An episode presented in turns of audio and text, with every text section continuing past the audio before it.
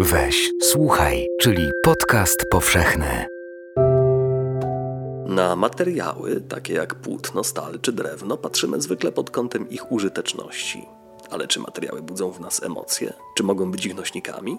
Podczas tegorocznej edycji Festiwalu Kopernika poświęconej właśnie emocjom, rozmawialiśmy o tym z Markiem Miodownikiem, brytyjskim materiałoznawcą z University College London, inżynierem, pisarzem i popularyzatorem znanym choćby z programu Chef vs. Science w BBC. Nasz gość zajmuje się m.in. relacjami między inżynierią materiałową a humanistyką.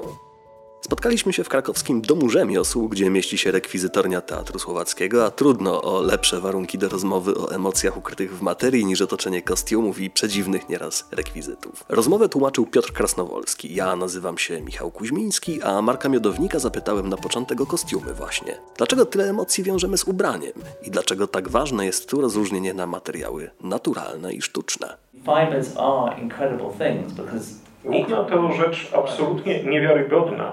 Każde włókno w roślinie jest czymś słabym, po prostu słabym kawałkiem rośliny, które można rozerwać. Kiedy zeschnie się, dalej dzieje się tak samo. Jednak kiedy odpowiednio skręcimy, połączymy, wystąpi między nimi siła tarcia, która mimo tego, że poszczególne elementy włókna, jeżeli obejrzymy je pod mikroskopem, dalej będą takie, jakie były, czyli cienkie, pozwoli nam na stworzenie czegoś, co możemy nazwać nicią, co możemy nazwać sznurem, co już jest silne. Tą nić się tka. Jeżeli będziemy tkać, a raczej splatać ze sobą poszczególne włókna, uzyskamy coś, co będzie w sumie bardzo wytrzymałe. Oczywiście kiedyś robiono to ręcznie, dzisiaj wiemy jak to robić maszynowo i maszynowo jest znacznie taniej, ale tak naprawdę na skali mikro nic w tych splecionych rzeczach, mówi się o splocie, przecież nie jest ze sobą splecione. To wszystko trzyma się jedno drugiego tylko i wyłącznie na sile tarcia. Bez niej rozleciałyby się te wszystkie nasze ciuszki. A w ten sposób, ponieważ się nie rozlatują, mamy swoją zewnętrzną, dodatkową skórę. Skórę, w którą wkładamy emocje. Jest to taki nasz emocjonalny imprint. Możemy myśleć w dużej mierze o tym, że coś już wymyśliliśmy innego. Przecież na początku XX wieku wymyśliliśmy nylon i e, rajon, czyli tą naszą też anilanę. I były to zaskakujące plastiki. Potem w latach 60. w wielu filmach science fiction pojawiali się ludzie, którzy właśnie w nie byli ubrani. Wydawało nam się, że człowiek w przyszłości po prostu będzie chodził w czymś takim. Ale jest jeden powód, dla którego tego nie będzie. Powód jest bardzo prosty. Robi nam się gorąco i się pocimy. Jesteśmy zwierzętami, które potrzebują oddechu, ale oddech to nie tylko to, co przechodzi przez płuca, ale oddychamy również całą skórą i potrzebujemy oddychać skórą. Potrzebujemy też pewnej interakcji między e, oddychaniem naszej skóry, a tym, co ją przykrywa. Jeżeli będzie to włókno naturalne, ono w naturalny sposób będzie z nami oddychać, bo natura tak te włókna stworzyła. Jeżeli będzie syntetyczne, gdzieś to się po prostu zatka. Kiedy łatwiej nam się oddycha, żyje nam się bardziej komfortowo, a jeżeli coś nie daje nam tej wygody, tego komfortu, to po prostu jest to coś, czego na pewno nie pokochamy. Na pewno nie pokochamy ubrań, w których nie czujemy się dobrze. Jednym z podstawowych sposobów, w jaki doświadczamy emocji związanych z wieloma materiałami, jest to, jaki dźwięk one wydają. Więc jak to właściwie jest, że jedne brzmią tak, a inne inaczej? So, uh, so when we all know, we all know how. Będzie duża różnica, jeżeli będziemy szli po schodach, po klatce schodowej, która jest kamienna, inna, jeżeli będziemy szli po schodach, które są metalowe, a inna, jeżeli będzie pod naszymi stopami drewno. To na pewno znamy. Podobnie jak i znamy różnice w tonach po uderzeniu każdego z tych, z tych materiałów. Skąd to się bierze? Ono bierze się z tego, że cokolwiek uderzymy będzie wibrować, wibrować z różną częstotliwością. Tak naprawdę tym, co wibruje w każdym z tych przypadków są atomy. Atomy wewnątrz danej struktury, wewnątrz kawałka materiału, a oprócz atomów także i wiązania między nimi. Od tego, jak szybko będą powracać do swojego oryginalnego stanu, będzie zależała częstotliwość, czyli wysokość dźwięku. Jeżeli coś wibruje z dużą częstotliwością, to znaczy bardzo dużo razy w krótkim czasie, usłyszymy dźwięk wyższy. Jeżeli będziemy mieć do czynienia z czymś cięższym, tej energii do wprawienia w ruch będzie trzeba więcej i nie będą tak szybkie te oscylacje, a zatem dźwięk będzie niższy. Chodzi też o pewne, że tak powiem, sprężyny, które trzymają te atomy razem, trzymają je To one są tym, co decyduje o tonie, jaki dany materiał będzie wydawał. Jest jeszcze kolejna rzecz, w której pochwytywanie ludzie są bardzo dobrzy. Bardzo dobrze wyłapujemy to, jak szybko dźwięk się, dźwięk gaśnie. Mówimy tutaj o jego amplitudzie. Amplituda tych drgań staje się coraz mniejsza i coraz cichszy jest ten dźwięk, który do nas dociera. We know that wood W przypadku drewna będzie on cichł bardzo szybko. W przypadku szkła czy wykonanego z metalu dzwonu czy dzwonka będzie to trwało bardzo długo.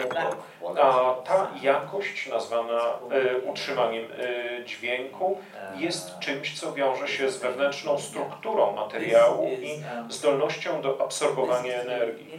Drewno ma w sobie pewne struktury, które te, tę energię będą a, bardzo szybko absorbować i właśnie dlatego dźwięk nie utrzyma się za długo.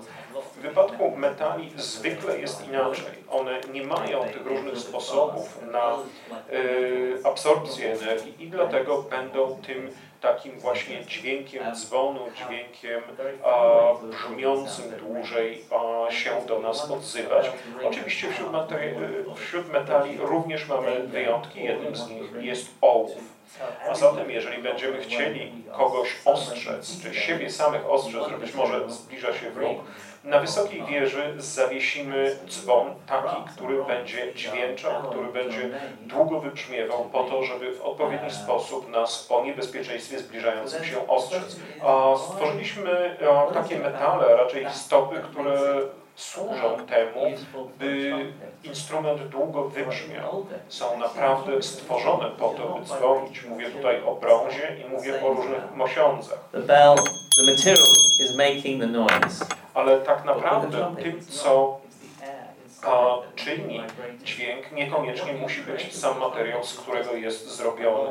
A, instrument, trąbka, którą mam tutaj, co prawda jest metalowa, ale w przeciwieństwie do dzwonu, w którym to metal brzmi, w jej przypadku tym, co brzmi, jest słup powietrza, który znajduje się w, wewnątrz. To on wibruje, drga i daje nam pewien hałas lub dźwięk. Jest to naprawdę długa kolumna powietrza. Na początku pierwsze trąby były długie, ponieważ nie każdy był w stanie się nią posługiwać, nie wszędzie można było z nią wejść. Zawinięto je, skrócono. I tutaj, proszę Państwa, ciekawa wartość, ciekawa jakość metalu. Metal można kształtować w taki sposób, że ten słup powietrza wewnątrz niego zostanie skręcony i dalej będzie jednak słupem dużej długości. Oczywiście jest jeszcze jeden powód, dla którego korzystamy z a, mosiądzu. Mosiądz można wypolerować. Można z takim a, wypolerowanym instrumentem iść na dwór, będzie on wyglądał pięknie, będzie miał jasny kolor, odbijał światło i dlatego też uznamy, że jego dźwięk jest jasny. Mówimy o jasnej muzyce granej na tego typu instrumentach, na blachach. A tego, tego typu y, muzyka, tego typu dźwięki będą nam się kojarzyć z chwałą, z glorią. Naprawdę można te same dźwięki wydawać y, na trąbkach dziecinnych, które są robione z plastiku. Plastik jednak nie będzie miał tego pięknego, wypolerowanego koloru. Są wreszcie materiały, które budzą zachwyt, poczucie piękna, pożądanie, które kojarzymy z władzą, ale właściwie dlaczego przypisujemy taką wartość złotu lub drogim kamieniom? I czy zawsze to one będą nam tak drogie? Żyjemy w świecie, który jest bardzo bogaty w materiały. Mówię o świecie, który nas otacza. I naprawdę nasza sytuacja jest zupełnie inna niż ludzi, którzy żyli w trudnych czasach 100 lat temu. A pamiętajmy, że znacznie większa, znaczna większość naszych przodków tych sto parędziesiąt lat temu ledwo była w stanie związać koniec z końcem. To, co ich otaczało, to prawdopodobnie jakaś drewniana chata, w której było trochę żelaza, które wykorzystywali przede wszystkim do gotowania, jakieś proste przyrządy i dlatego wszystko to, co nie korodowało, wszystko to, co się nie psuło, zawsze nas przyciągało, miało tę jakąś taką tajemniczą wartość. A oczywiście to, do czego tutaj piję, to przede wszystkim złoto. A złoto nie pokrywa się samo z siebie jakimś tlenkiem, który zabierałby mu ten piękny pobłysk. Oprócz tego trudno doprowadzić do tego, żeby złoto nam skorodowało, nawet przez wrzucenie go do kwasu. I dlatego złoto bardzo dobre, dobrze służyło do przekazywania kolejnym pokoleniom. Oprócz tego wygląda naprawdę ślicznie, naprawdę zaskakująco. I stąd zaczęło być kojarzone z władzą. W Egipcie za głównego boga uważano słońce. Y, złoto było manifestacją w świecie fizycznym tegoż właśnie słońca, ponieważ również podobnie lśniło, miało, wydawało się mieć podobny kolor. Y, my widujemy do najwyższych poziomów ceny tego, co jest rzadkie i co jest trwałe. A co do złota, proszę pamiętać, że nie znaleźliśmy od tych najwcześniejszych czasów, gdy je poznaliśmy, tego złota zbyt wiele. Jest ono nadal bardzo rzadkie i dlatego jego cena jest wysoka. Ruda złota jest tak uboga, że stężenie złota w naszym telefonie komórkowym jest 300 razy wyższe niż w grudzie rudy złota. Z diamentami jest inaczej. Diamenty są znacznie bardziej rozpowszechnione niż złoto, ale kiedyś pojawiła się jakaś grupa mądrych ludzi i stwierdzili, że jeżeli wydobycie e, diamentów się e, zmechanizuje, jeżeli będzie się je wydobywać na bardzo szeroką skalę, to ich wartość spadnie, wobec tego wartość kopalni, które posiadali również. Rynek po prostu zrobiłby swoje, gdyby każdy już te diamenty miał. A że mieli możliwość ograniczyć wydobycie mm, i dostępność produktu na rynku, że mieli monopol, no cóż, stworzyli rynek bardzo wartościowych kamieni. Tak naprawdę jakość czy to, jak diament y, lśni, jest w tym momencie już kopiowalne.